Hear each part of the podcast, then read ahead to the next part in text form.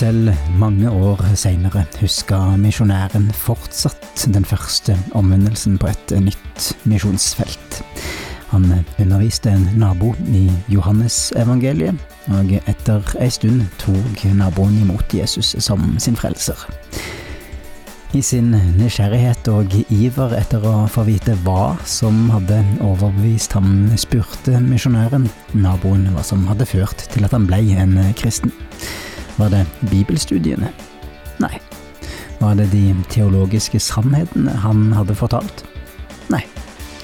Det som hadde ført naboen til Kristus, var noe han hadde opplevd en kveld da misjonærens kone strevde med at barna ikke ville oppføre seg ordentlig. Misjonæren skyndte seg hjem til kona og ga den forfjamsede kona en diger klem. Naboen fortalte nemlig. Han blei helt satt ut.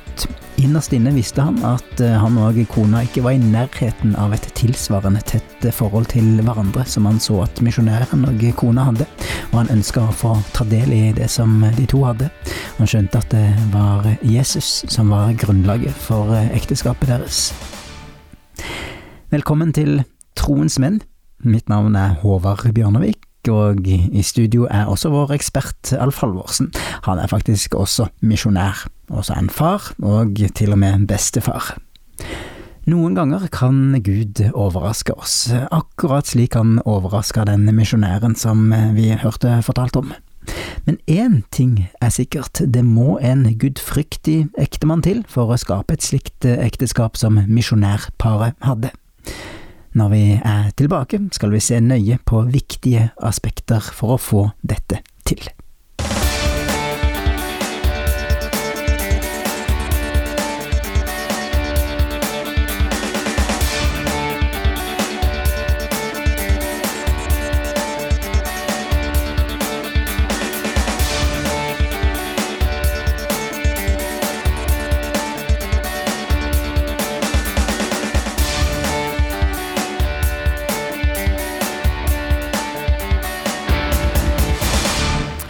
Alf, eh, når jeg tenker på denne historien som jeg akkurat fortalte, om hvordan Gud brukte denne misjonærens ekteskap til å få en nabo til å bli en kristen, ja, da begynner jo tanken å spinne rundt mitt eget ekteskap. Ja, eh, samme her.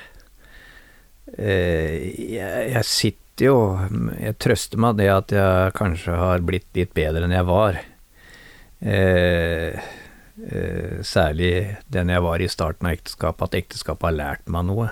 Ja, Det blir som men, en reise, dette. Eh, ja, men altså En har jo utrolig mye å lære. Det er jo den viktigste skolen vi går i. Og, og jeg må jo si at jeg blei jo litt sånn Støkte litt når du innledningsvis kalte meg for ekspert. For det er jeg jo ikke. Eh, jeg håper jeg kan være en, en Forhåpentligvis at jeg kan, være, kan dele litt av min erfaring og være et medmenneske og en, eh, en, eh, et eksempel Ikke nødvendigvis en supermodell, det tror jeg ikke, men jeg kan slå fast i hvert fall det ekteskapet er en reise, ja. Og det er en skole. Den hardeste og den viktigste i livet. Så eh, det med reise er en god sammenligning. Og på samme måte som vi går sammen med Jesus og utvikler oss som kristne gjennom livet, så utvikler vi oss også som ektemenn etter hvert som tida går. Eh, så det er reisen vår. Og for å være ærlig, så eh, Den historien om misjonæren Jeg håper at noen kanskje, selv jeg kan ikke huske at noen hadde nevnt akkurat det samme som meg, men jeg vet i hvert fall at jeg overrasker mange, ute, har gjort det ute i Mali, med det eh, forholdet som eh, Hilde, kona mi, og jeg har.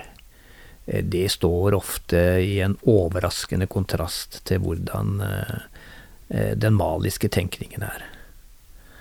Så jeg sitter med et lite håp med at jeg av og til noen ganger kan ha vært et godt eksempel.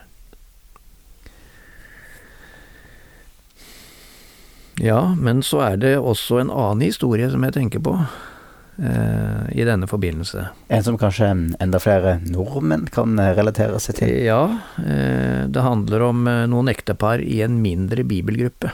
Dere bibelgrupper får vi mer og mer overraskelser i. Eh, det har jeg hørt mange historier om. Men de holdt på med en gjennomgang av Mosebøkene, og de var kommet til historien om Jakobs liv. Og Der står det jo at Jakob hadde to koner, og de var søstre. Eh, og eh, de kranglet eh, konstant, og det som gjorde situasjonen enda verre, var at eh, hver av disse konene ga Jakob en tjenestepike hver, som han skulle få lov til å få barn med. Og konen de håpet og trodde at dersom de ga Jakob muligheten til å få flere barn, da ville de få hans oppmerksomhet og kjærlighet. Så nå de altså, var de altså plutselig fire kvinner som kjempet om Jakobs gunst. Du kan jo forestille deg hvordan stemningen ble da i, i det hjemmet. Mm. så disse parene i denne bibelboka, de snakka altså om dette, og så var det altså det som uh, da kan skje i en bibelgruppe, at uh, en av ektemennene sier 'jeg syns egentlig litt synd på Jakob'.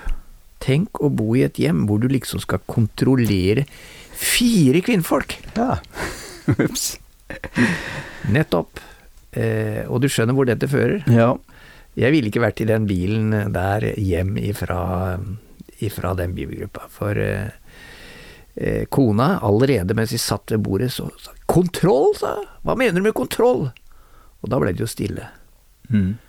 Og alle damene eh, kikka på sine respektive ektemenn. Og de, på sin side, de kikka ned i gulvet.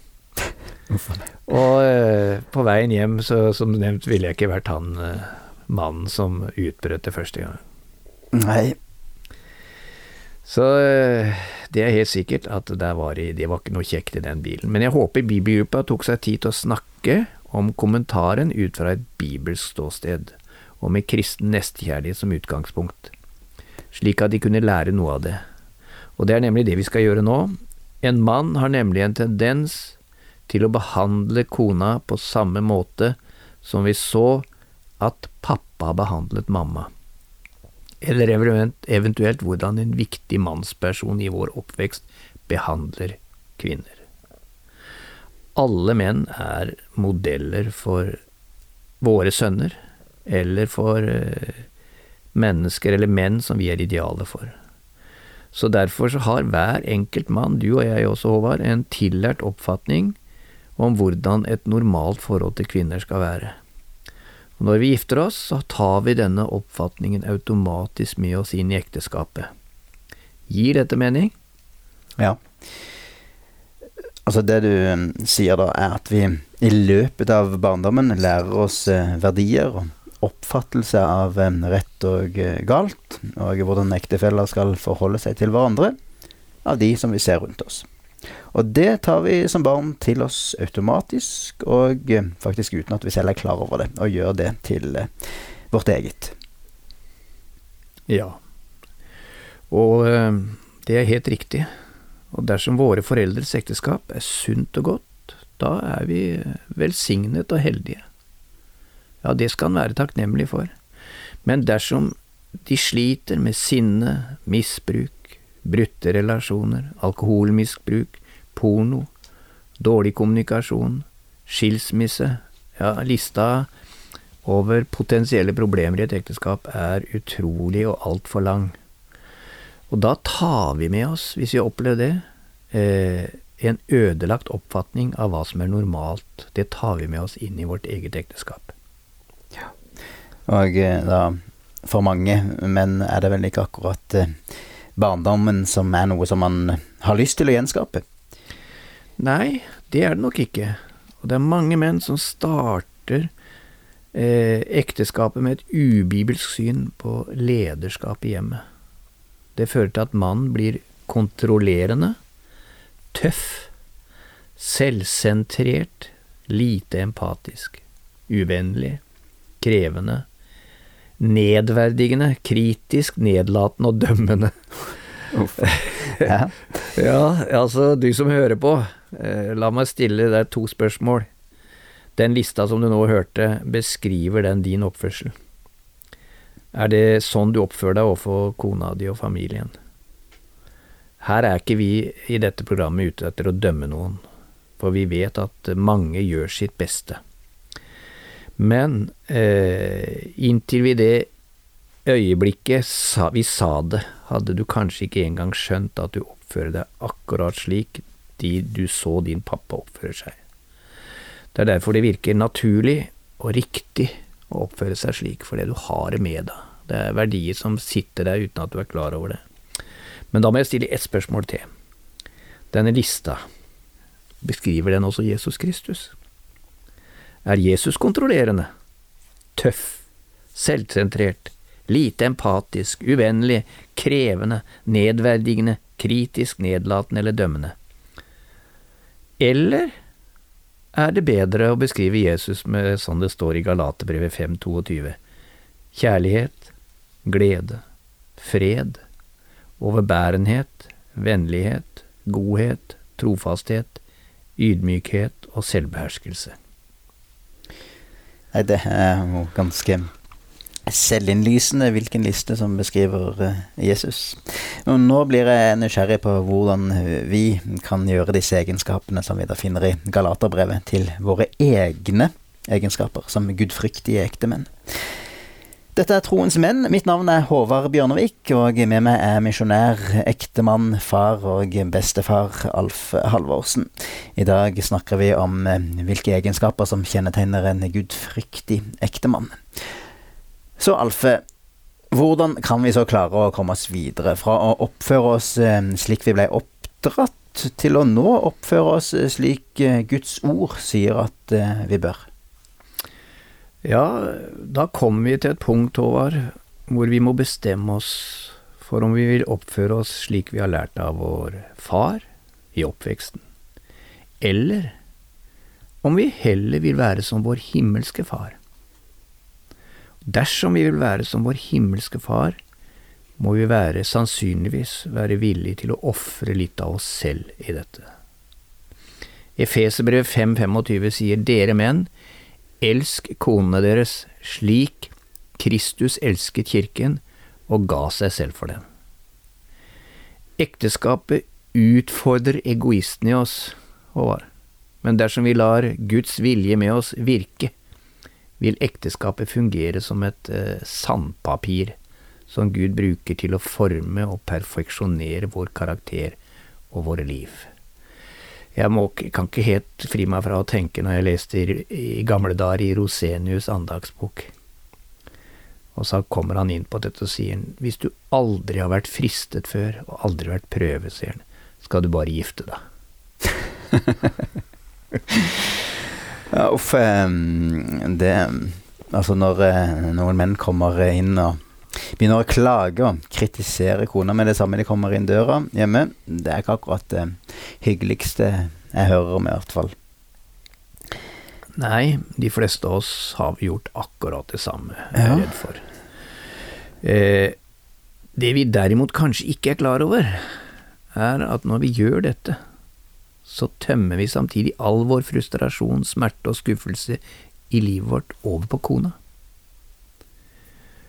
Å klage over skitten oppvask på kjøkkenbenken kan virke som en filleting, men det kan faktisk være nok til at kona mister motet. Og det er det du opplever i ekteskapet. Små ting er egentlig, det er ikke bare å le av, de er egentlig store.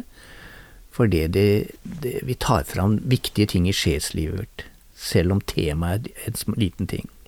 Og det gjør problemet enda verre når hun mister motet. Når vi er kritiske og sure mot kona vår, lærer vi ubevisst sønnene våre at det er greit å vise sin mor, og dermed også den fremtidige kona, lite respekt. Og dere som lytter, dere gudfryktige menn, dersom vi er harde og kritiske mot kona, lærer vi døtrene våre enten at det må være på vakt mot menn, fordi det inntrykket vi skaper hos jentene, at menn er egoistiske, pass på deg selv, eller så lærer vi døtrene våre at det er ok å la seg bli dårlig behandlet av menn. Som fedre er det jo nettopp vår største frykt, at våre høyt verdsatte døtre skal ende opp med en kjæreste eller ektemann som misbruker henne og behandler henne dårlig. Men det viktigste og mest kraftfulle vi kan gjøre for eh, våre barns fremtid, er å behandle og elske deres mor etter bibelske prinsipper. Så dermed må vi da bli mindre egoistiske og forsake oss eh, selv? Ja. Det uh, høres ikke ut som noen sånn hyggelig kur, men da er vi tilbake der vi begynte, fordi det er konsekvensene av en viktig daglig avgjørelse, den daglige stunden sammen med Gud. Der mm. begynner dette, som også vi kaller helliggjørelse. Den tiden vi bruker med Gud i bønn, leser Hans ord, pugger bibelvers og noterer ned hva bibelversene sier oss, dette bygger et dypere forhold mellom Gud og oss.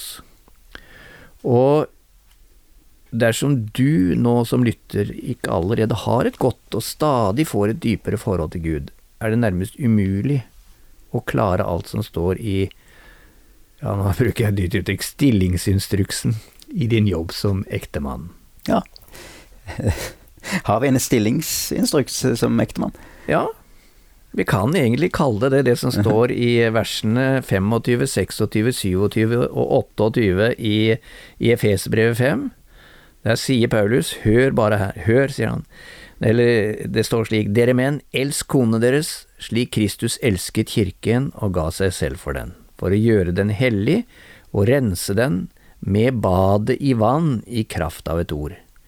Slik ville han selv føre kirken fram for seg i herlighet uten den minste flekk eller rynke. Hellig og uten feil skulle den være.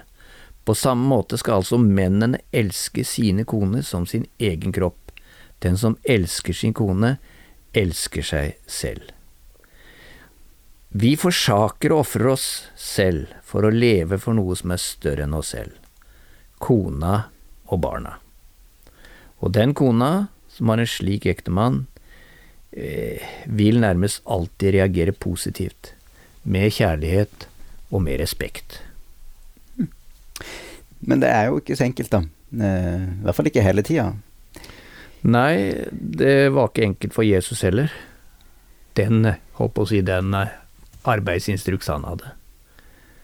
Han måtte på korset og bli korsfestet på oss. Når jeg ble gift, Håvard, og da er det jo Det er 37 år siden snart i Oddernes kirke.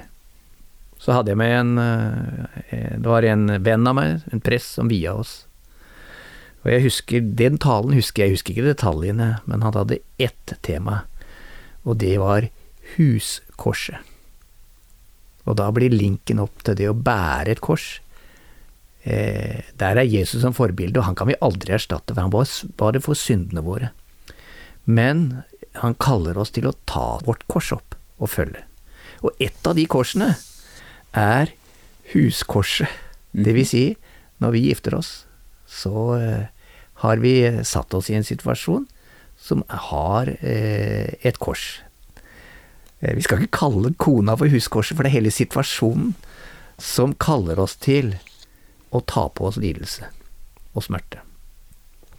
Så, eh, som det står i Efesbrevet, dere menn, elsk konen deres slik Kristus elsket kirken, og så da kommer det, og ga seg selv for dem.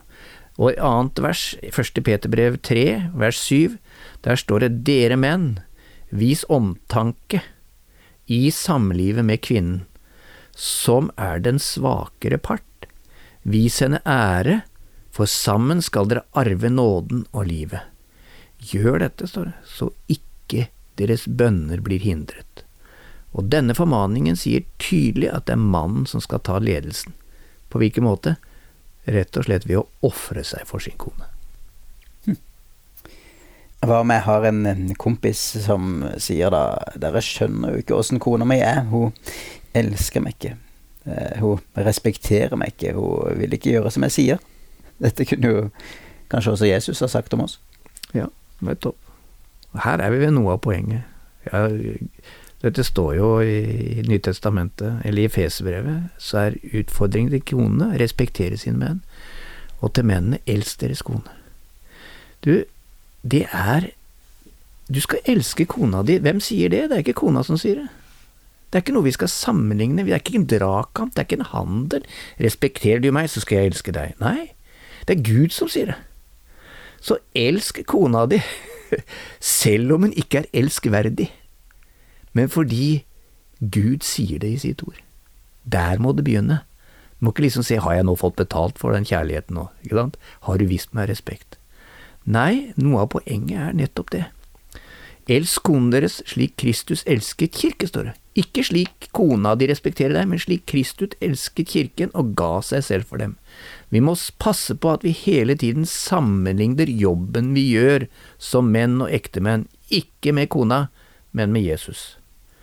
Vi skal ikke sammenligne oss med naboen eller i menigheten noen annen plass. Jeg siterer veldig ofte han Rick Warren, eh, han eh, pastoren i Selberg, han sa never compare, sa han. Sammenlign aldri. Det eneste vi skal sammenligne oss med, det er Jesus. Og han som har skrevet den boka som er utgangspunktet vårt, Lonnie Berger, Every Man a Warrior, han lister opp fem kvaliteter som kjennetegner en gudfryktig ektemann, og alle disse er basert på Bibelen. En, du elsker din kone og oppgir ditt eget liv for henne. To, dersom du jevnlig viser henne ære og respekt, så gjør du dette.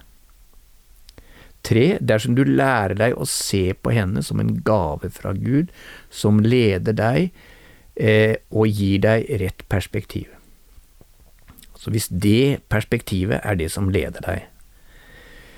Fire, dersom du ikke misliker at hun er annerledes enn deg, og ikke er hard og tøff mot henne når hun strever med sin egen sårbarhet. Fem, dersom du velsigner og støtter henne i hennes strev og kamp med å følge din ledelse. Jeg må bare føye til eh, Kona mi og jeg, vi var på satt overfor på et sånt eh, eh ikke var ikke retreat, det var en sånn rekreasjonsdager, og vi hadde noen samtaler med en terapeut eller med en sjelesørger, og så kom vi inn på dette.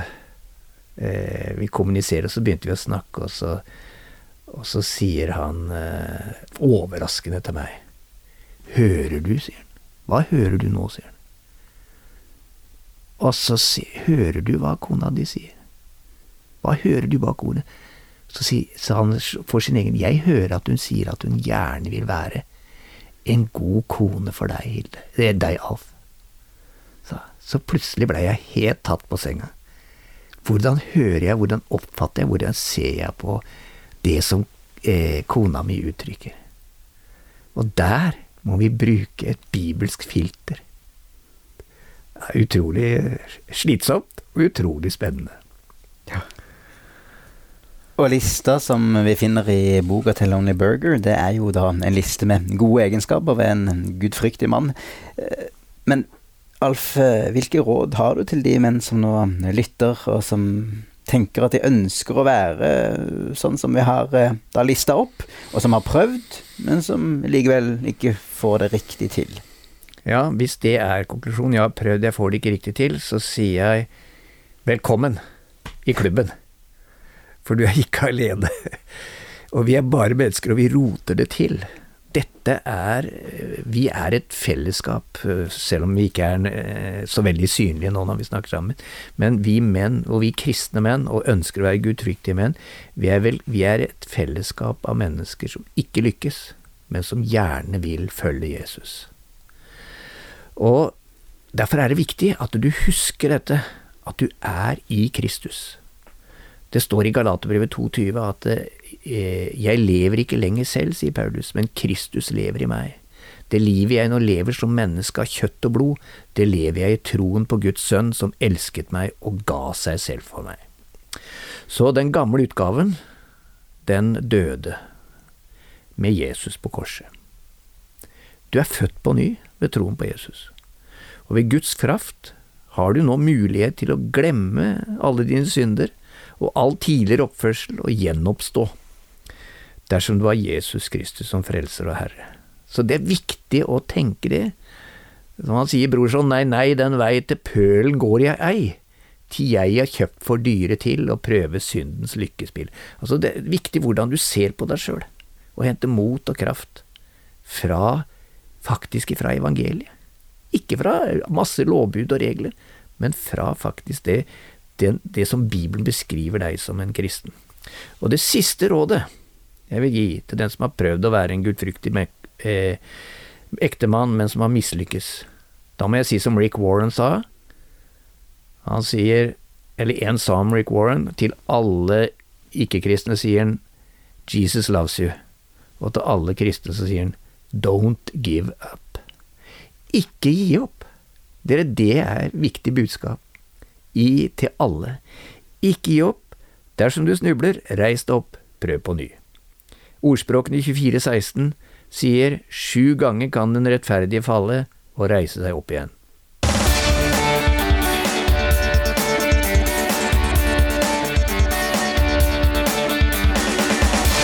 Vi skal oppsummere det vi har vært uh, igjennom i dag, Alf. Ja, og det viktigste vi har snakket om, er hvordan vår egen fars oppførsel som ektemann ofte vil påvirke hvordan vi selv opptrer som ektemenn i voksen alder. Det kan være bra, det, dersom pappa var en gudfryktig mann, men det kan fort, og det er det for mange, bli et problem. Dersom far ikke var det. Og vi har også sett på den gudfryktige ektemannens stillingsinstruks fra Efes-brevet 5, og vi har også snakka om hvor viktig det er å jobbe sammen som et team for å makte å være gudfryktige ektemenn. Vi står eh, alle sammen om eh, dette, altså. Så vi må hjelpe hverandre til å være de gudfryktige menn som Gud ønsker at vi skal være, som våre koner fortjener, og som våre barn kan lære av. Slik at de igjen kan være gudfryktige ektefeller når den tid kommer. Men det aller viktigste er gudfryktige ekteskap forteller tydelig om et håp som kan hjelpe andre mennesker til å møte Jesus.